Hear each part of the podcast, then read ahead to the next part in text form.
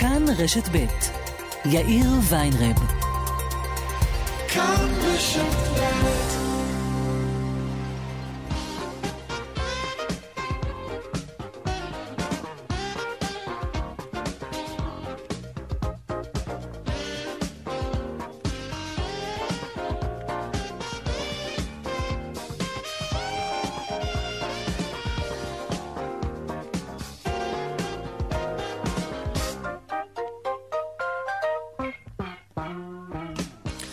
קצת אחרי ארבעה ועוד חמש דקות כאן צבע הכסף ברשת ב' יום ראשון, שבוע טוב. ושלום רב לכם כמובן. העורך רונן פולק, בהפקה רונית גור אריה ומור גורן. טכנאי השידור שלנו היום הוא קובי בז'יק. הדועל של צבע הכסף, כסף, כרוכית, כאן.org.il. אני יאיר ויינרב, מעכשיו עד חמש. אנחנו מיד מתחילים.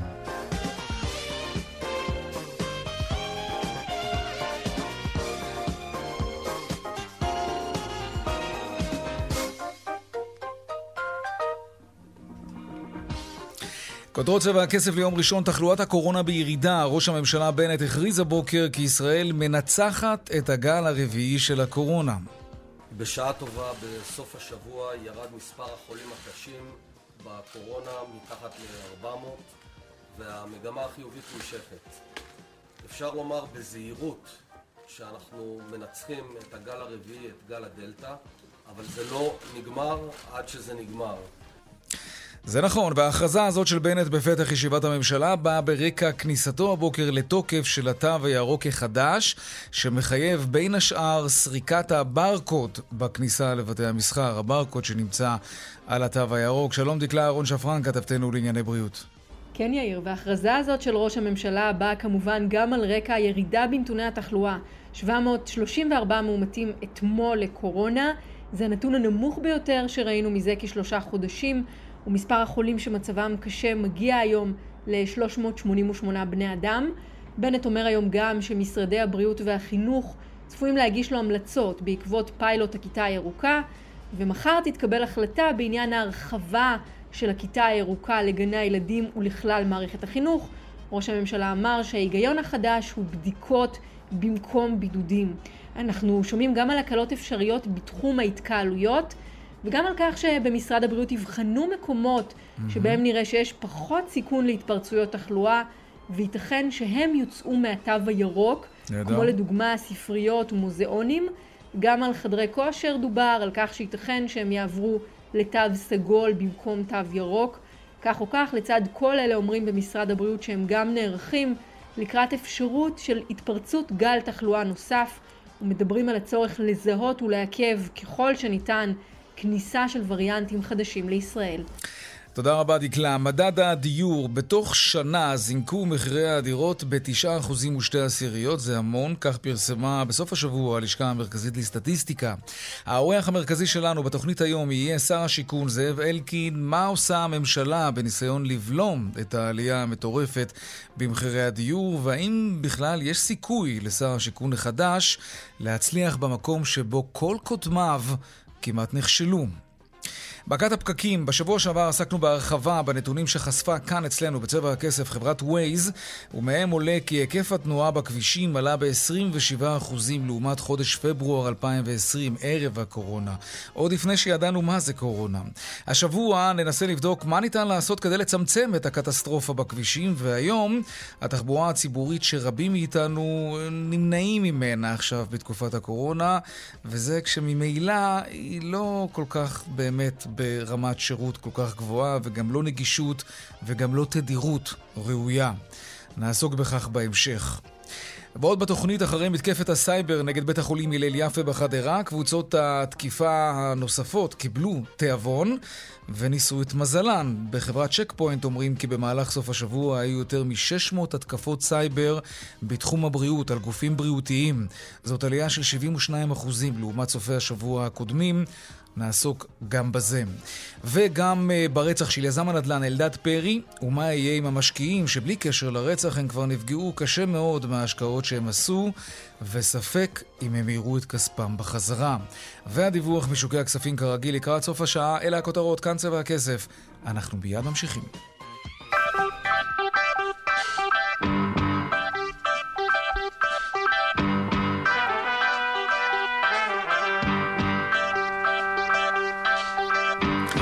פותחים בנדל"ן כאמור, שלום זאב אלקין, שר השיכון והבינוי. השר אלקין?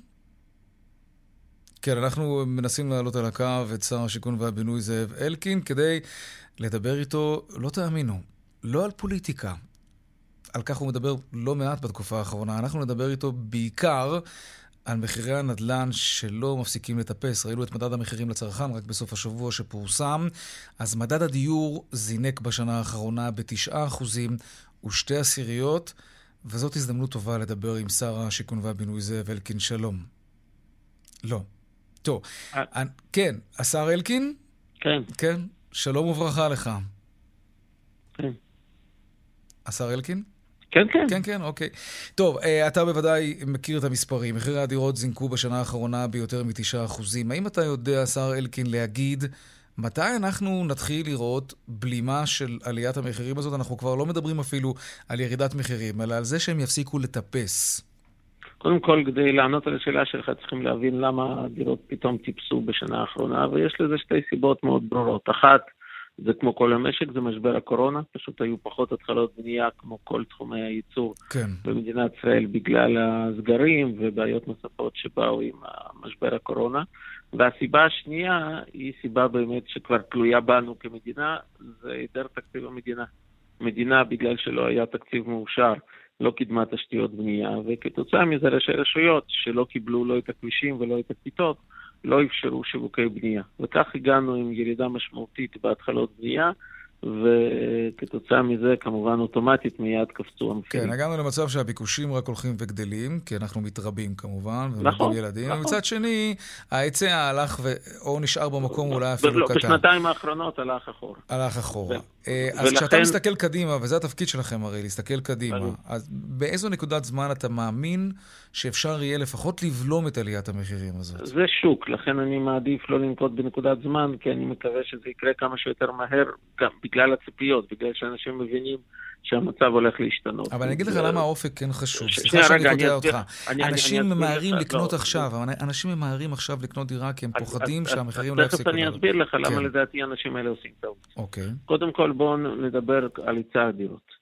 אנחנו השנה נהיה כנראה שנת שיא מבחינת כמות השיווקים. גם ביחסים של השנים של אה, כחלון, שהיו דווקא השנים כן. הכי ברוכות בכמות השיווקים. אנחנו נעבור את 70 אלף אה, שיווקים מקרקעות המדינה. כמובן זה יתבטא בשנים הקרובות מיידית בהתחלות בנייה. זה כבר מהפכה אחת כן. שקורית. אגב, למה זה קורה? זה קורה בגלל שאנחנו שמים מאמץ מאוד גדול, בגלל שאנחנו הצלחנו להביא תקציבים גדולים לתשתיות, ואנחנו עכשיו עוברים עיר-עיר ומחלצים את הפקקים, וערים שונות חוזרות לבנות. אני אביא לך דוגמה, באר שבע, עיר כן. שלא בנתה שנתיים. עצרה את כל השיווקים. אנחנו ממש סמוך לחג הסוכות הגענו לסיכום מחודש עם ראש העיר על חידוש הבנייה, בתוכם mm-hmm. כבר 1,500 יחידות דיור כבר השנה משווקות בבאר שבע, ויש הרבה דוגמאות כאלה. אנחנו ממש מקטטים רגליים עכשיו בכל הארץ, גם okay. אני, גם אוקיי. המנכ"ל, עוברים עיר-עיר ומחזירים שיווקים, והתוצאות כבר מוכיחות את עצמם, כפי שאמרתי, הולכת להיות שנת שיא בכמות השיווקים. אנחנו שינינו את המצב עם ידיים עובדות. הרי חלק מהבעיה הייתה אה, לוח זמנים של הבנייה, שבנייה לקחה יותר מדי זמן, והעברנו החלטה על גידול משמעותי בכמות העובדים הזרים בענף הבנייה, החלטה שקבלנים מחכים לה כבר כמה שנים, והיא אמורה לקצר בערך בשליש את לוחות הזמנים של הבנייה, בגלל שיבואו לארץ מספיק ידיים. כל שרי השיכון הקודמים ושרי האוצר אמרו, גם היה את הוותמ"לים וכולי, זה לא הצליח בסופו של לא דבר. לא נכון, לא. אגב, אגב, דווקא אצל כחלון זה הצליח, הרי מחירי הדיור נבלמו, ואז בשנתיים האחרונות... בגלל מחיר למשתכן, אנשים ישבו על הגדר, חיכו לראות מה זה קורה. בגלל כמה סיבות, בגלל כמות הדירות שנבנו, בגלל כמות הדירות שתוכננו, כי כן. השוק ראה שיש תכנון מסיבי, וגם בגלל מחיר המשתכן, הרי okay. אוקיי. תסתכל מה אנחנו עושים, אנחנו החזרנו את הוותמ"ל, אנחנו כבר עכשיו בשיווקים עברנו את כחלון, ואנחנו שמים על השולחן תוכנית שכבר אושרה. קודם בסיכומים תקציביים ולאחר מכן במועצת אה, רשות מקרקעי ישראל, שהיא נותנת הנחה אפילו בהרבה מובנים, אה, בטח בהיקפים לא פחות ממחיר למשתכן. Mm-hmm. ולכן לזוגות צעירים עכשיו באמת לא שווה לרוץ לקנות דירה בשוק החופשי. Okay. אנחנו אוקיי. מדברים על כך שלמעשה מה עשינו? הפסקנו את הספסור בקרקעות. הרי מי שהכי נהנה מהמחסור בתחום הדיור באופן פרדוקסלי זה המדינה. כי הרוויחה יותר ויותר כסף על הקרקע. ואני כשנכנסתי לתפקיד אמרתי, אני לא מוכן שזה יימשך, שהמדינה תספסר בקרקע על חשבון הזוגות הצעירים.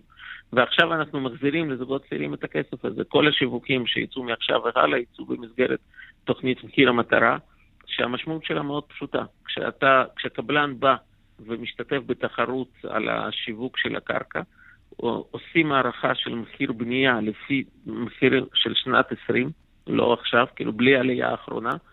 מהמחיר הזה מורידים 20% של ההנחה, והקבלן מתחייב 60% מהדירות במרכז הארץ, 65% בפריפריה, למכור במחיר הזה, גם אם המכירה תהיה בעוד כמה שנים. זאת אומרת שזוג צעיר חוסך לעצמו לא רק את ה-20% האלה עד 300,000 שקל, אלא גם את עליית המחירים שהייתה, ואולי mm-hmm. טיפה עוד תהיה בתקופה הקרובה. מתי לדעתך הם יוכלו? מעכשיו, אנחנו, 아, אה, לא, כל אתה, המכרזים... אתה אומר לזוגות צעירים, אל תמהרו לקנות עכשיו דירה, חכו רגע. חד, חד משמעית.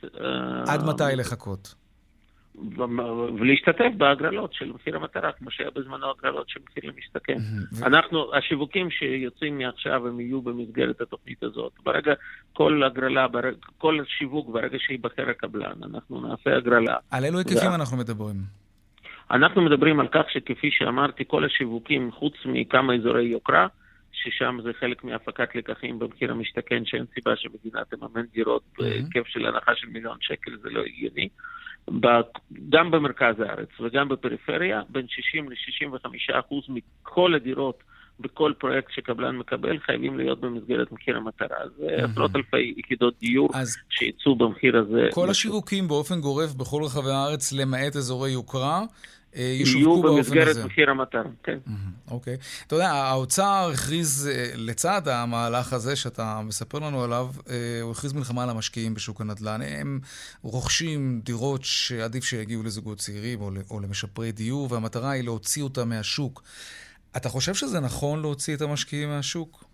אני לא נכנס כרגע לפרטי התוכנית הצעדים נוספים שאנחנו עכשיו מגבשים עם שר האוצר ושרת הפנים, אנחנו בקרוב נודיע עליהם. אה, אני אדבר רק בינתיים באופן עקרוני. אני חושב שבסיטואציה שיש מחסור, ברור שהאינטרס של המדינה שהרוכשים יהיו קודם כל משפחות צעירות שצריכות את הדיור, mm-hmm. ולא משקיע. אבל מצד שני... המשקיע, המשקיעים כן. מתחרים ה...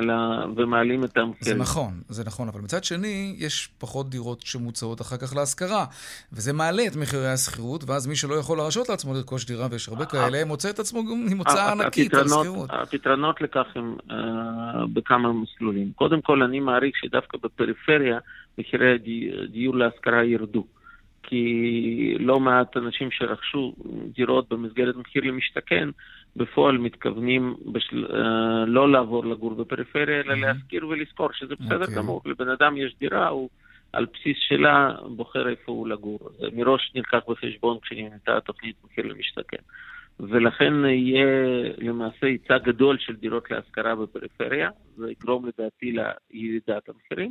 במרכז הארץ באמת זו סוגיה אחרת, ולכן אנחנו עכשיו באופן מסיבי מקדמים uh, דיור להשכרה לטווח ארוך באמצעות uh, פרויקט של חברת דירה להשכיר, mm-hmm. שבתוכה uh, גם מי שלא זכאי מקבל יכולת לשכור דירה לטווח ארוך ולא להסתובב במעבר דירה כן. uh, כל שנה, והז, והזוגות שהם זכאים מקבלים דירה להשכרה במחיר מוזל.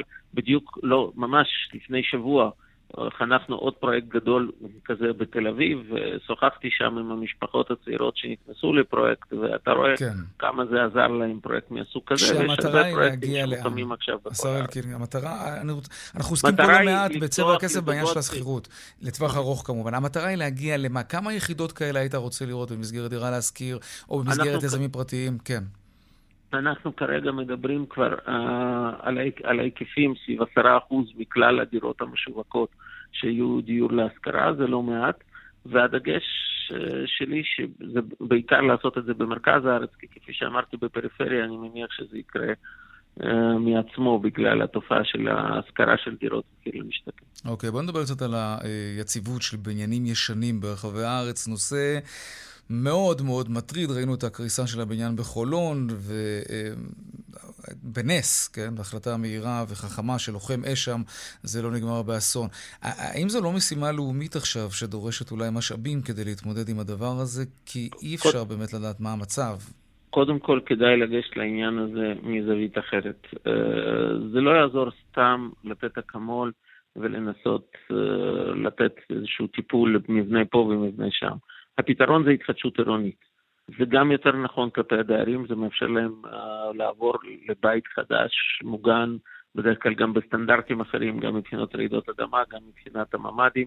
זה גם מאפשר להגדיל את כמות יחידות הדיור, שזה גם רווח משמעותי, במיוחד אם אתה הולך על פרויקטים לא של פינוי-בינוי, זה לפעמים uh, על כל דירה אתה בונה שמונה דירות חדשות, כן? אז יש לזה משמעות גם למשבר בתחום הדיור שאיתו פתחנו את השיחה. נכון, אבל בפר... בפריפריה זה כמעט ולא קורה, ראינו שתמ"א 38 לא קורה שם, כי הקבלנים אין להם תמריץ כלכלי. אז קודם כל, Uh, עוד לפני הפריפריה יש הרבה שכונות מצוקה במרכז הארץ, הרי לא במקרה בתים שמתאים ליפול, כן. הם גם בראשון, גם בחולון וגם במקומות אחרים, זו כן. בנייה ישנה, ובמקומות האלה אין שום סיבה לא לעשות התחדשות עירונית. הרי הבית הזה בחולון, במקומו כבר מזמן היה יכול לעמוד בית יפה, וזה כלכלי, לא צריך אפילו תוספת כסף בין שבע לשמונה שנים לקבל אישור לתמ"א 38. אם היו עושים את זה בזמן. אז כדי לקצר את לוחות הזמנים האלה, אנחנו עכשיו מעבירים חקיקה בכנסת, שמשנה את אחוזי ההסכמה הנדרשים, שמקצרת את לוחות הזמנים הביורוקרטיים, בדיוק בשביל זה, כדי לזרז כמה שיותר. ורשות להתחדשות עירונית גם הולכת לתמרץ את העיריות השונות לקדם פרויקטים להתחדשות עירונית. אנחנו, כי למה עיריות לא ממהרות לאשר וזה לוקח הרבה זמן? כי הן אומרות, בבנייה חדשה המדינה עוזרת לי עם תשתיות על. יש נכון. הסכם גג. מי עוזר לי בהתחדשות עירונית? יש לי כל מיני הוצאות נוספות עכשיו, כי יש פה יותר דירות.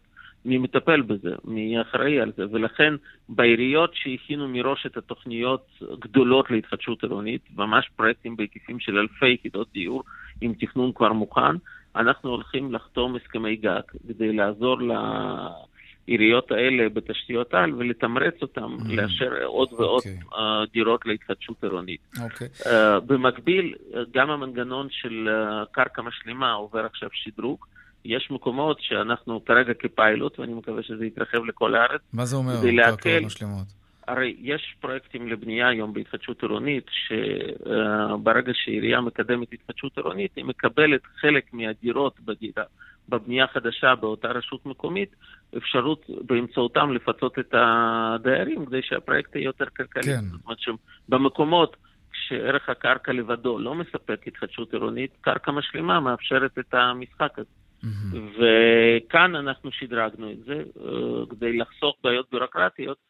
אנחנו היום יוצאים בשורה של רשויות מקומיות לפיילוט שנאפשר במקום קרקע להביא את הכסף, ואז זה כמובן הרבה יותר פשוט, לא צריכים לחכות לכך שתהיה דווקא דירה ספציפית, אלא בעקבות mm. הכסף שמדינה okay. אוקיי. מרוויחה ממכירת קרקעות לקבלנים, אנחנו נתגמל את הפרויקטים של התחדשות עירונית, ואז בהרבה מקומות שבלי זה התחדשות עירונית היא לא כלכלית ולא יכלה להתקיים, תוכל להתקיים. השר זאב אלקין, שר השיכון והבינוי, תודה רבה לך על השיחה הזאת. תודה רבה וערב טוב. להתראות, ערב טוב שיהיה. טוב. אה, לעניין הבא שלנו, התקפת הסייבר על בית החולים הלל יפה בחדרה, אה, עם האוכל בא התיאבון. רק בסוף השבוע האחרון נרשם, שימו לב, גידול של 72% בהתקפות הסייבר על גופים בריאותיים. זינוק כזה לא קרה בענפים אחרים, וזה אומר שבתי החולים נמצאים עכשיו, אבל ממש, על הכוונת של האקרים, וזה מאוד מדאיג. שלום גיל מסינג, מנהל מערך התקשורת הגלובלית בצ'ק פוינט, שלום לך. ערב טוב. עם התקפות כאלה מסיביות בסוף השבוע, אנחנו מדברים על גידול של 72 אחוזים, זינוק של 72 אחוזים. יש גם הצלחות? עוד, עוד איזה גוף בריאותי נפגע בסוף השבוע? הנתונים האלה הם מייצגים נתונים של מה שנחסם, זאת אומרת, התקפה שקורית וברגע האחרון היא נבלמת. היא אה. מעידה על המגמה והיא מראה בעצם מה, מה קורה כאן. אני לא מכיר מקרה של אה, התקפה שהצליחה. אה, אבל תזכור שברוב המקרים, במיוחד בסקטור הבריאות, לכן תוקפים אותו הרבה, שכשיש הצלחה, הם פשוט בוחרים לשלם. כי זה חיי אדם, כן. ארגון שמותקף במתקפת כופרה ובוחר לשלם לאותו האקר כדי לשחרר את המידע, הוא לא מדווח על זה. בשונה אגב מהלל יפה, שמיד דיווחו והיו מאוד שקופים לציבור ואמרו את מה שהם אמרו. Mm-hmm. בתחום הזה ההתקפות אה, הן, אה, הן יתומות והן מאוד מאוד שקטות, אבל לצערי הן קורות. לכן, זה, לכן הדברים האלה ממשיכים, כמו שאמרת, עם האוכל בתיאבון. Mm-hmm. אמ, אנחנו יודעים לומר מה היה שם בהלל יפה? מה, מה אפשר בעצם לאותם תוקפים, האקרים, להיכנס פנימה? תראה, האירוע בהלל יפה חוסה תחת צו איסור פרסום ונכבד אותו. אני אגיד באופן כללי איך המתקפות האלה עובדות ולא ספציפית כן. יפה. אה, הפרצ... אה, אותם האקרים מחפשים בכלים טכנולוגיים דיגיטליים, ממש לא ידני, מחפשים את אותה פרצה שקוראת לגנב. הפרצה הזו יכולה להיות לפעמים איזושהי תוכנה שלא עדכנו אותה, ממש כמו עם הטלפון שלנו, שאחת לכמה זמן צריך לעדכן את הגרסה. כן, כן. אז לא מעדכנים תוכנה של משהו, ואז חולשה שהייתה בתוכנה הזאת נשארת פעילה. זה יכול להיות אדם בתוך המערכת שעושה טעות ולוחץ על לינק שהוא לא מכיר, או נותן פרטים לאדם שהוא לא צריך לתת אותו, ואז נדבק המחשב שלו ודרכו כל מה שמחובר אליו. רגע, תעצור כאן, זה מעניין. נגיד, עובדים ש... רואים את זה נדמה לי בכל מקומות העבודה. עובדים שמעלים למשל את הוואטסאפ ווב שלהם על המחשב בעבודה. ומקבלים איזו, איזו הודעה עם לינק שהוא לינק נגוע, כן? ברגע ש, שלוחצים על, על הלינק הזה, יכול להיות שאנחנו בעצם אה, גורמים להתפשטות של וירוס עכשיו בכל המחשבים? קודם כל ההדבקה, ואחרי ההדבקה יכול לבוא בעצם, זו, זו, זו הפתיחה. ההדבקה הראשונה מאפשרת עוד הדבקות, קצת כמו בקורונה, זה ה-patient A, מה שנקרא, הראשון. כן. שיכול להדביק אחרים. אז בוא ניקח את הדוגמה שנתת. כן. אנחנו נכנסים לאיזשהו לינק שקיבלנו, שמדבר איתנו על איזושהי המלצה להוריד איזה מבצע נורא נורא גדול ברשת סופרים. משהו ממש מפתה, לחצתי עליו כן. בוואטסאפ, הדבר הכי נורמטיבי היום. את הפרטים שלך. כן. וחלק מהמקומות מבקשים כרטיס אשראי וחלק דברים אחרים. ונתתי את הפרטים האלה. באותו רגע שנתתי את הפרטים האלה, זה נמצא, שוב, בהנחה ומדובר באתר שהוא אתר זדוני, והם נראים כן. בדיוק כמו האתרים הרגילים שלנו, mm-hmm. אז הפרטים נמצאים במקום אחר. עכשיו ניקח את זה למקום עבודה. נאמר שנכנסתי לאתר שנראה כמו אתר של העבודה שלי, והוא צריך לשם כך את השם את הסיסמה שלי כעובד.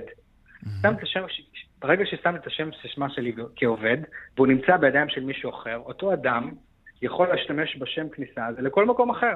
להתחבר לרשת, להתחבר לאינטרנט, להיכנס לאיזושהי מערכת סודית, שזה לא נראה כמו תקיפה, זה נראה כמו אותו עובד שנכנס עם השם משתמש והסיסמה שלו, אבל זה לא. וברגע שהוא בפנים, הוא יכול להדביק, ועם ההדבקה הוא מדביק כל מי שקשור אליו, ובבית חולים, זו אחת הסיבות המרכזיות למה בתי חולים כל כך מותקפים. יש ריכוז אדיר של מוצרים דיגיטליים שמתחברים אחד לשני. מכונת ה-MRI שמעבירה את הנתונים שלה למחשב, שיש בו גם את הפרטים של הקופת חולים וכהנה וכהנה. ולכן ההדבקה עובדת מאוד מאוד מהר, ולכן אגב, הלל יפי עשו דבר נכון אך דרמטי, שברגע שהם ידבו את זה, הם פשוט הורידו את הרשת הפנימית שלהם, וגם מה שלא הודבק הפסיק לעבוד כדי שלא יידבק. והמשמעות היא כמובן כל מה שקרה. תגיד, כמה זמן לוקח לנקות uh, תשתית מחשבים כזאת בסדר גודל של בית חולים, נאמר, מאותו וירוס? קודם כל זה כמובן תלוי כמה הוא הצליח להגיע ולאן הוא הגיע ומה וכמה דברים מחוברים אחד לשני, אז אין פה תשובת בית ספר אחת, אני אגיד בגדול שהמנעד הזה הוא בין ימים לשבועות. אוקיי. זה לא אירוע, זה לא אירוע אבל פשוט. זה אפשרי, נכון? כלומר, אפשר לנקות תשתית מחשוב אה, לחלוטין. לרפא את המערכת. המונח ניקוי הוא מונח אה, טיפה מטעה. אה, לפעמים, אגב, אפשר ממש אה, לאחזר חומרים שהוצפנו, למצוא את המפתח או לעקוף אותו, אה, ולפעמים מדובר בלהקים רשת חדשה ולחבר את הכל אליה, ואם יש גיבוי, אז פשוט לוקחים את הגיבוי ממקום אחר. אז אני חושב שהמונח לאחזר הוא יותר נכון מלנקות. Mm-hmm. שוב, זה לוקח זמן, ואנחנו גם רואים, אנחנו עוד לא שבוע למתקפה, אבל אני חושב שיקחו עוד כמה ימים טובים לפחות לבוא ו... קורה לפעמים שהווירוס או התוכנות הזדוניות עם שמות אחרים, הן מצליחות להגיע גם לגיבוי עצמו? אם הגיבוי נמצא על רשת שנדבקה או על שרת שנדבק, אז כן, וזה קורה הרבה מאוד mm. פעמים. ואז השרת שכולו נדבק כולל גם את הגיבוי. זאת בעצם אה, מלחמת מוחות תמידית וממש בלתי פוסקת בין הטובים לרעים, נכון? חתול ועכבר, ומי מקדים את מי. תגיד, האקרים לבנים ש, שעובדים בעצם ברשות הגופים והחברות, הם, הם, הם בעצם צריכים להיות גם עם מוח, חלילה לא, אתה יודע, להוציא את שמם רע, לא, לא זאת הכוונה, אבל הם צריכים להיות עם איזושהי יכולת קרימינלית, כן? להבין איך, איך, איך הפושע עובד, נכון? נכון. הם חושבים כמו תוקפים כדי לחסום אותם. זה, זה, זה גם ממש מה שזה, זה לא בלי ציון מוסרי, mm-hmm. הם חושבים כמו תוקפים. רק הם עושים את זה במטרה נכונה, כדי לבוא ולחסום אותם. ולכן מה שאנחנו עושים, ו- ו- וגם אצלך בתוכנית לא מעט על זה, בעצם מדברים על דברים חדשים שמצאנו, שמראים איך אפשר להיכנס. נכון, חולשות. גם בעולמות כן. הבתי חולים, ראינו איך נכנסים למכונות אולטרסאונד, וראינו איך נכנסים לכל מיני דברים אחרים. זה פשוט מאוד מאוד נפוץ, זה כמו שאמרת, מלחמת מוחות. ואני חושב שאם יש משהו שהאירוע בהלל יפה אמור לגרום לכולנו להבין, זה שאחד, זה המצב, ושתיים, אנחנו לא מאוד מאוד מוגנים אם לא נגן על עצמנו כמו שצריך. והטעויות האלה יכולות לקרות, ויש אין סוף למה שאפשר לעשות, זה נכון, אבל באופן בסיסי, לשמור על כמה כלים בסיסיים כאלה של להבין מה חשוב לנו, לראות שזה מוגן, לראות שהתוכנות מעודכנות, אנחנו נגן על עצמנו, ואם לא, הפרצה תקרא לגנב והגנב יבוא. תגיד, לסיום אני רוצה לשאול אותך, אני לא, לא יודע אם, תדע לענות על זה, אבל אנחנו לא שומעים הרבה על, על תפיסות ועל מעצרים ועל שליחה לכלא של, של האקרים. זה, זה קשה, אולי אפשר להימנע מההתקפות שלהם, אבל קשה לשים עליהם את היד, נכון? גם מדובר באנשים אה, שנמצאים בחו"ל. העולם הזה ו... הוא עולם, העולם הזה, לפעמים גם בארץ, אבל קשה מאוד להגיע למקור. קשה מאוד להגיע למקור כי הוא פועל בדרך כלל דרך כמה תחנות באמצע. כן. התשלומים נעשים דרך מטבעות קריפטו, זה מטבעות שהם לא בעצם משויכים לבנק. Mm-hmm. אז אין טביעות אצבע, אין עכבות, כלום. אין טביעות אצבע קשה, אחת לכמה זמן זה קורה, mm-hmm. אבל זה תהליך מאוד מאוד ארוך, וזה מאוד מאוד חריג, וגם אז, אם מצאת אחד, זה טיפה בים. כן, זה נכון. גיל מסינג, מנהל מערך התקשורת הגלובלית בצ'ק פוינט, תודה רבה לך. ערב טוב. להתראות, ערב טוב גם לך. דיווחי תנועה עכשיו.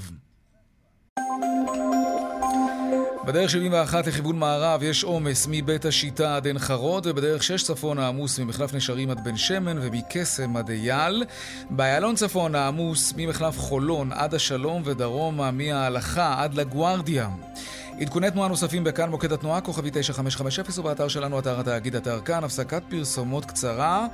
ומיד אנחנו חוזרים עם עוד צבע הכסף, נדבר על פרשת אלדד פרי, מה קורה עם, המשקיעים, עם רוכשי הדירות, האם יש סיכוי שהם יראו את כספם מתישהו בחזרה, ונמשיך לעקוב אחרי מכת הפקקים שסיפרנו, חשפנו כאן בשבוע שעבר, שהיום יש 27% יותר גודש בכבישים מאשר לפני הקורונה. מיד חוזרים. ארבע ועוד 35 דקות, ההתנגשות בחייו של הקבלן אלדד פרי, מה יהיה עם כל הלקוחות שהיה חייב להם הרבה מאוד כסף? מה זה הרבה מאוד כסף? על פי פרסומים מדובר בשלושה מיליארד שקלים, ושווי הנכסים שלו אה, ושל החברה שלו, של המנוח, אה, שאפשר לממש אותם, לא מתקרב אפילו לסכום הזה, כנראה. כך אה, אלו הערכות. שלום עורך הדין עודד חן, מומחה לחדלות פירעון ומחיקת חובות, שלום. שלום וברכה.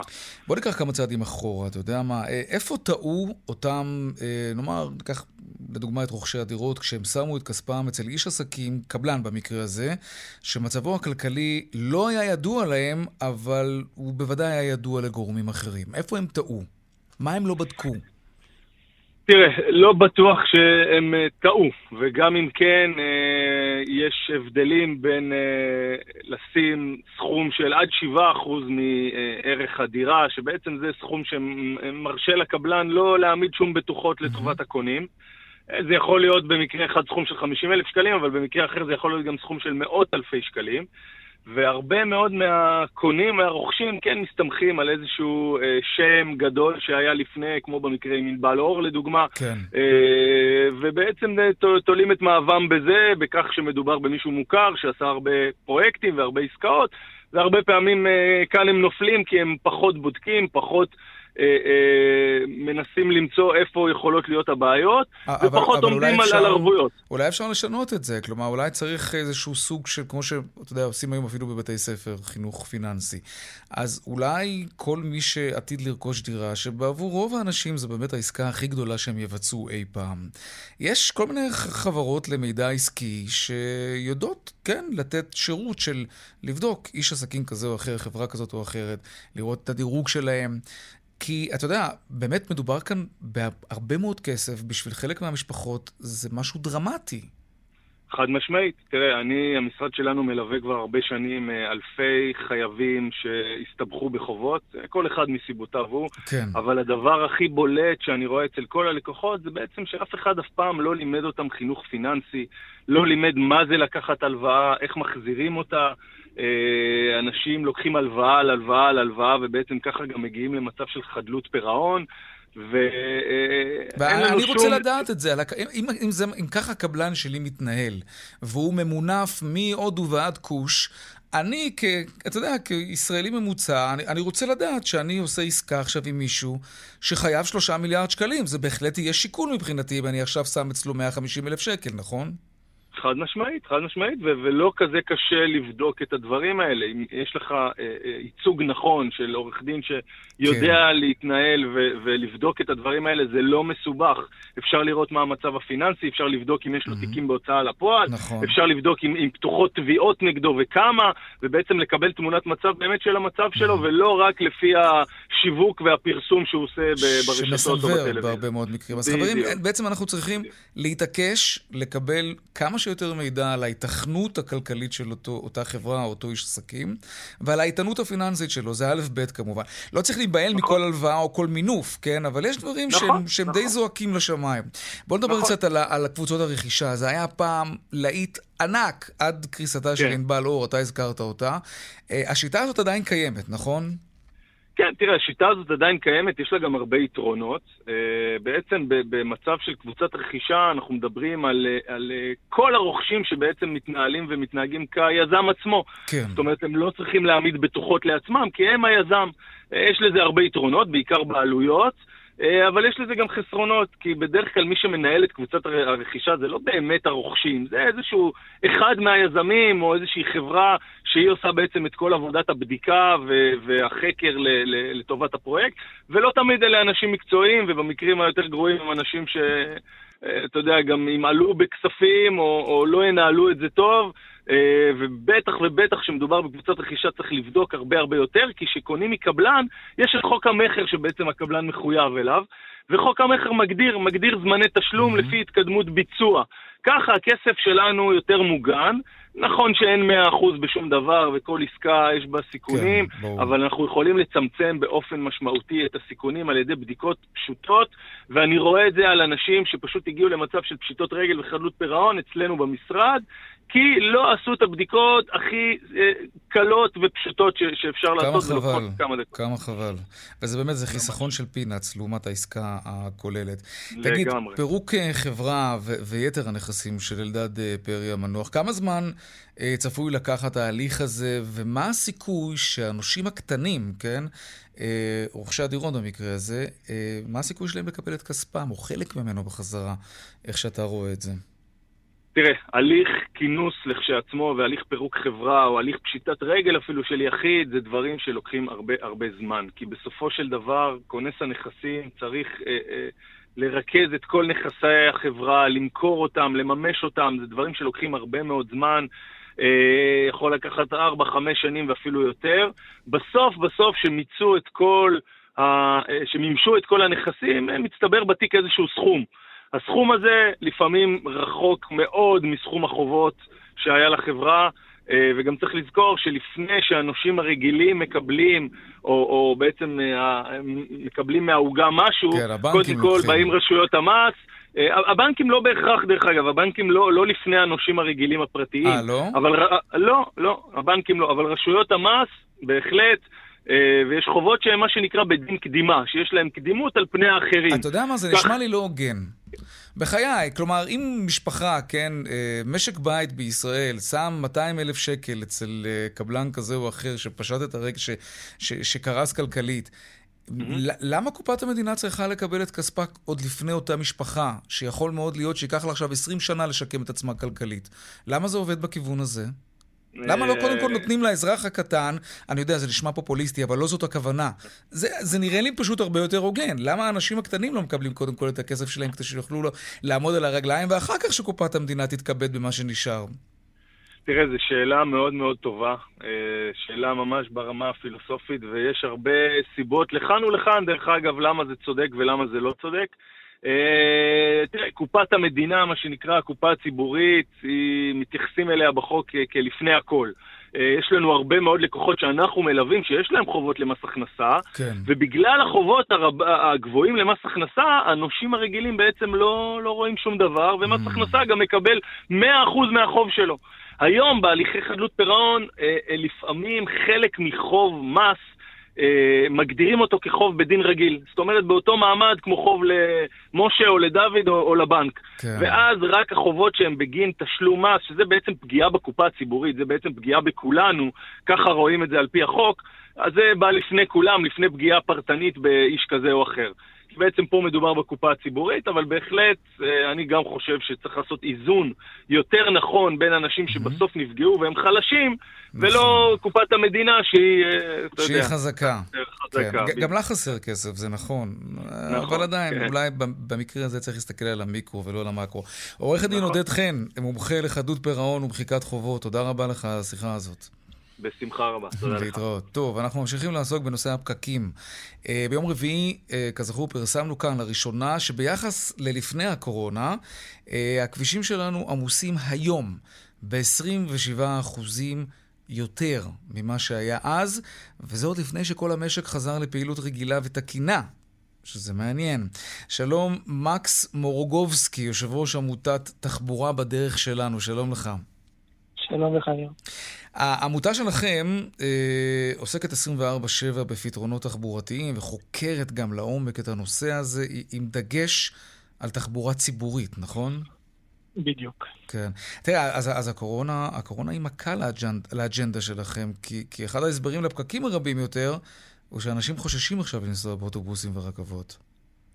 אה, מצד אחד אפשר לתאר את זה כמכה לאג'נדה, מצד שני אני חושב שדווקא אנחנו רואים את האור ביציאה. אה, קח בחשבון עכשיו, נושאים רבים שקודם השתמשו בתחבורה הציבורית, אה, גם עם חלק מהזמן הם רכשו רכב.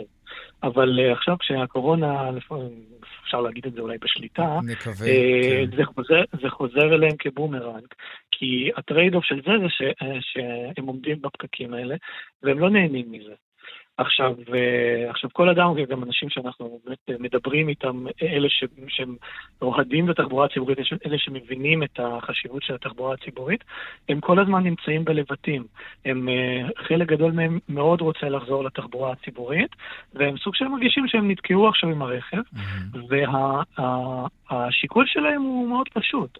אה, הם רוצים שהתחבורה הציבורית, אה, גם אם היא לא תיקח את אותו זמן נסיעה, לפחות שהיא תיקח אה, כמות סבירה ש, של זמן יותר.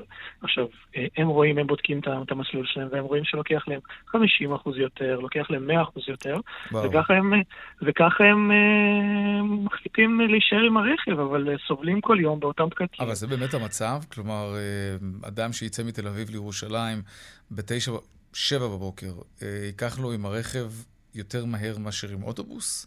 עם כל הנת"צים וה... כאילו... ספציפית, ספציפית בין תל אביב לירושלים, יש היום רכבת ש, שאני, שאני חושב שהיא מאוד, מאוד נכון. מוצלחת.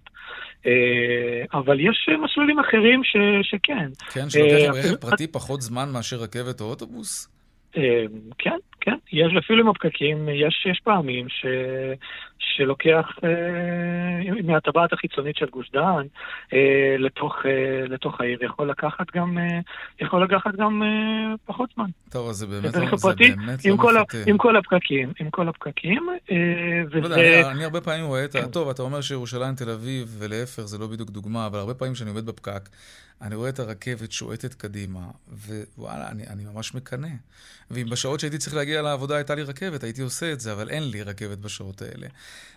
כן, הבעיה שרוב, הבעיה שאם אנחנו מסתכלים מבחינת אח- אחוזים, אה, רוב הנוסעים בתחבורה הציבורית ורוב המקומות הם נגישים אה, באוטובוסים. זאת אומרת, גם רואים את זה לפי המספרים, הנסועה באוטובוסים היא, אני לא זוכר בדיוק כרגע את המספרים, בערך 80 אחוז אה, לטובת האוטובוסים יחסי לרכבת 80 או 85, אה, כלומר העדפה האמיתית, וזה פתרונות מיידיים שאנחנו מקדמים, היא צריכה להיות בנתיבי תחבורה ציבורית, נתיבי העדפה, לשחרר את אותם צ- צווארי בקבוק, כלומר, להחמיר שבהם- ולהחריף עוד יותר את הפקקים, זה מה שאתה אומר. להוציא לאנשים את ל- החשק לנסוע במכונית אה, בכוח. יש, יש דבר כזה, תראה, יש דבר כזה כי שנקרא בכביש ביקוש החוף. הנת"צ הזה, זה מה שזה עשה שם, זה אלוהים ישמור. אה, אולי, לא, אני חושב, אני, אני חולק עליך פה, אני אגיד לך למה. אנחנו זוכרים את המספרים. אה, זה נתן באמת, את ה, בהתחלה אנשים קצת נכנסו לשוק. אה, באמת, אולי בחודש, חודשיים הראשונים זה, זה החמיר את הפקקים. אבל אם אתה בודק עכשיו אה, את הזמן נסיעה, נניח ניקח את הקורונה, כאילו לפני הקורונה כן. אפילו, אם ניקח את הזמן נסיעה, אה, בסוף האנשים מתרגלים, זאת אומרת, הם בוחרים, אה, יש משהו שנקרא ביקוש מושווה. אה, זאת זה שינה את הרגלי שאתה... הצריכה כן. של אנשים? אנשים ממש עברו מהרכב הפרטי שלהם, או, אה, או לקרפול או, או לתחבורה ציבורית? מי שיכל, מי שיכל עבר, ו, ואנשים שאמרו, שבצ... ושראו שבציר הזה יש להם פקק שהם לא, לא יכולים לסבול, הם uh, ניסו להתאים את עצמם. או שיצאו מוקדם יותר, אם הם בכל, mm-hmm. בכל זאת רוצים לנסוע ברכב פרטי, או שהשתמשו בציר אחר. אז המקל הזה עוזר, אתה אומר. נת"צים, נת"צים, נת"צים. אין, אין לנו ברירה, אין לנו ברירה, בסופו של דבר אין פתרונות קסם. כן, יש כל מיני פתרונות, אפשר, יש נת"צים, חשוב ליצור גם פתרונות של נתיבי אה, אופניים, אה, כדי להקל על אה, לאנשים שלא רוצים, למשל mm. רוצים לעשות רכיבה קצרה על התחנת רכבת. בתוך הערים הגדולות, כן? האמת היא ששבילי כן. אופניים זה פתרון מצוין. אה, חסר, חסר מאוד שבילי אופניים. עכשיו מדברים בכלל, עכשיו מדברים גם על הרגת גודש, שגם היא פתרון שהוא אה, יכול להיות באמת יעיל כסל פתרונות, מתוך סל שלם של פתרונות. תלוי מה יהיה הגובה של האגרה הזאת. זה כבר עניין של אה, כלכלה התנהגותית. כי אם זה כן. יהיה שטויות, אז אנשים ישלמו את זה, כבר יגלמו את זה איכשהו עם אורח החיים שלהם. מקס מורגובסקי, יושב ראש עמותת תחבורה בדרך שלנו, תודה רבה. תודה רבה לך. להתראות. דיווחי תנועה עכשיו.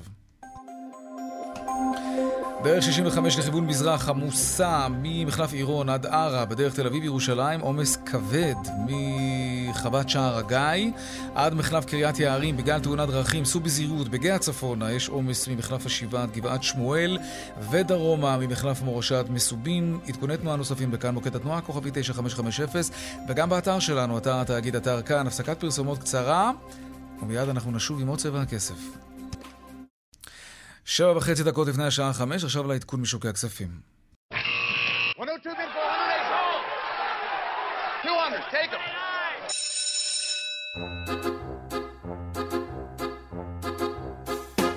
שלום רואל מנחם, כלכלן ראשי מזרחי טפחות, שבוע טוב. שלום יאיר. איך נפתח שבוע המסחר? אז uh, השוק סיים היום למעשה ללא שינוי של ממש, גם תל אביב 35 וגם תל אביב 90 רשמו ירידות של עד uh, שתי מאיות. אה, במהלך היום השוק עלה חצי אחוז ואחר כך תיקן כלפי מטה. מבחינת אה, ענפים בולטים היום, אז יש לנו את הנפט והגז, שעם עלייה של אחוז נקודה שבע, וענף הביטוח עם עלייה של אה, אחוז אחד. מצד שני, תקשורת וטכנולוגיה עם ירידה של שמונה עשיריות, ותשתיות אנרגיה עם ירידה של שבע עשיריות. היום גם המניות של SME 60, מניות השורה השנייה, ירדו בכ-65 מאיות. קצת למעלה שבלטו היום, אז אה, טאוור אה, קפצה 2.3 אחוזים ומיטרוניקס עלתה 2 אחוזים ועשירית, נגד ירידה של 2 אחוזים למניות אורמט ואלוני חץ. במשך יתרות החוב ראינו היום אה, ירידות קלות, תל בונד שקלי ירד 6 מאיות ותל בונד צמוד ירד 7 מאיות. ובשוק המטח שער 50 שקל דולר או מיליון שישי, 3 שקלים 27 אגורות ו-5 מאיות. ערב טוב. ערב טוב גם לך, רונן מנחם, כלכלן ראשי בנק מזרחי טפחות. תודה.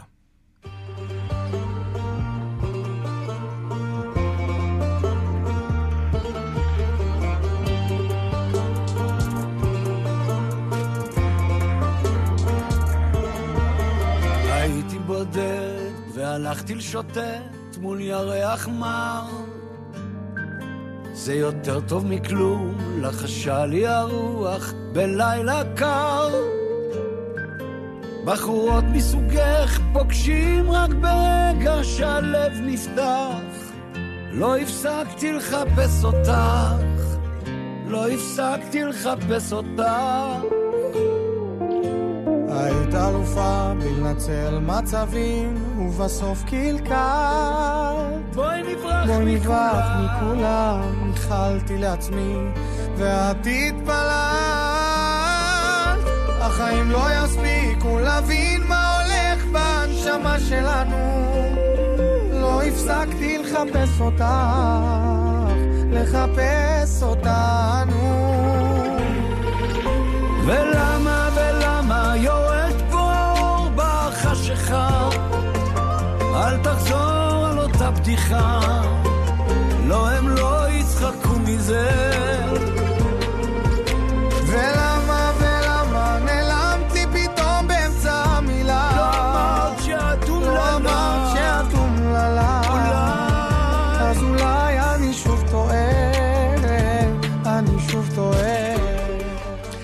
עד כאן צבע הכסף ליום ראשון, העורך רונן פולק, בהפקה רונית גור אריה ומור גורן. טכנאי השידור שלנו היה קובי בלז'יק, במוקד התנועה חגית אלחייני.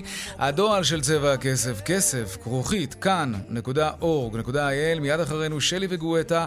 אני יאיר ויינרב, משתמע כאן שוב, מחר, בארבעה אחר הצהריים, ערב טוב ושקט שיהיה לנו, שבוע טוב, שלום שלום. אבל לא זה רק קקטוסים, לא הפסקתי לחפש אותה, לא הפסקתי את החיפושים.